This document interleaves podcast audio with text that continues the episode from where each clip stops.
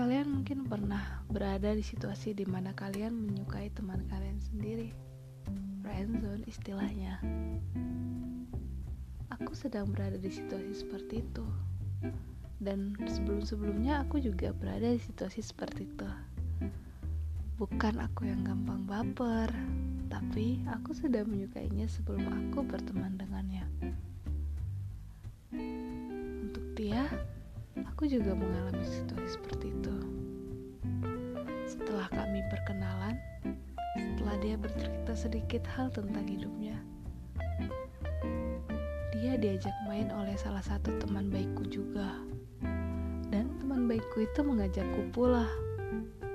Kebayangkan situasinya seperti apa? Terkejut, berpikir, waduh, apa yang harus aku lakukan nanti? Mungkin aku akan malu-malu, mungkin juga aku akan membawa suasana menjadi lebih asik. Akhirnya, kami keluar bersama nongkrong di sebuah kafe. Kami bermain kartu, bermain Uno. Ya, semua keadaan berjalan seperti biasanya. Sambil diam-diam aku memandanginya. Setiap dia mengajakku ngobrol, aku merasa salah tingkah.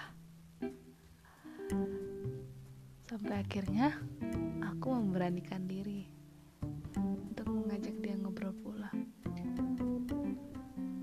Obrolan yang paling kuingat adalah aku pura-pura menyukai jamnya. Karena saat itu aku baru membaca artikel di mana ketika kamu ingin mencari topik bahan obrolan, pujilah salah satu barang yang ada di tubuhnya. Ayah aku terfokus pada jamnya.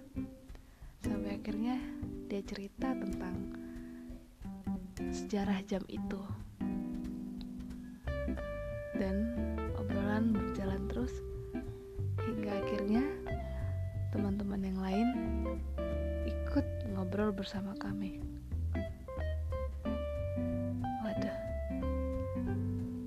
Seperti itu sangat mencekam, tapi menyenangkan.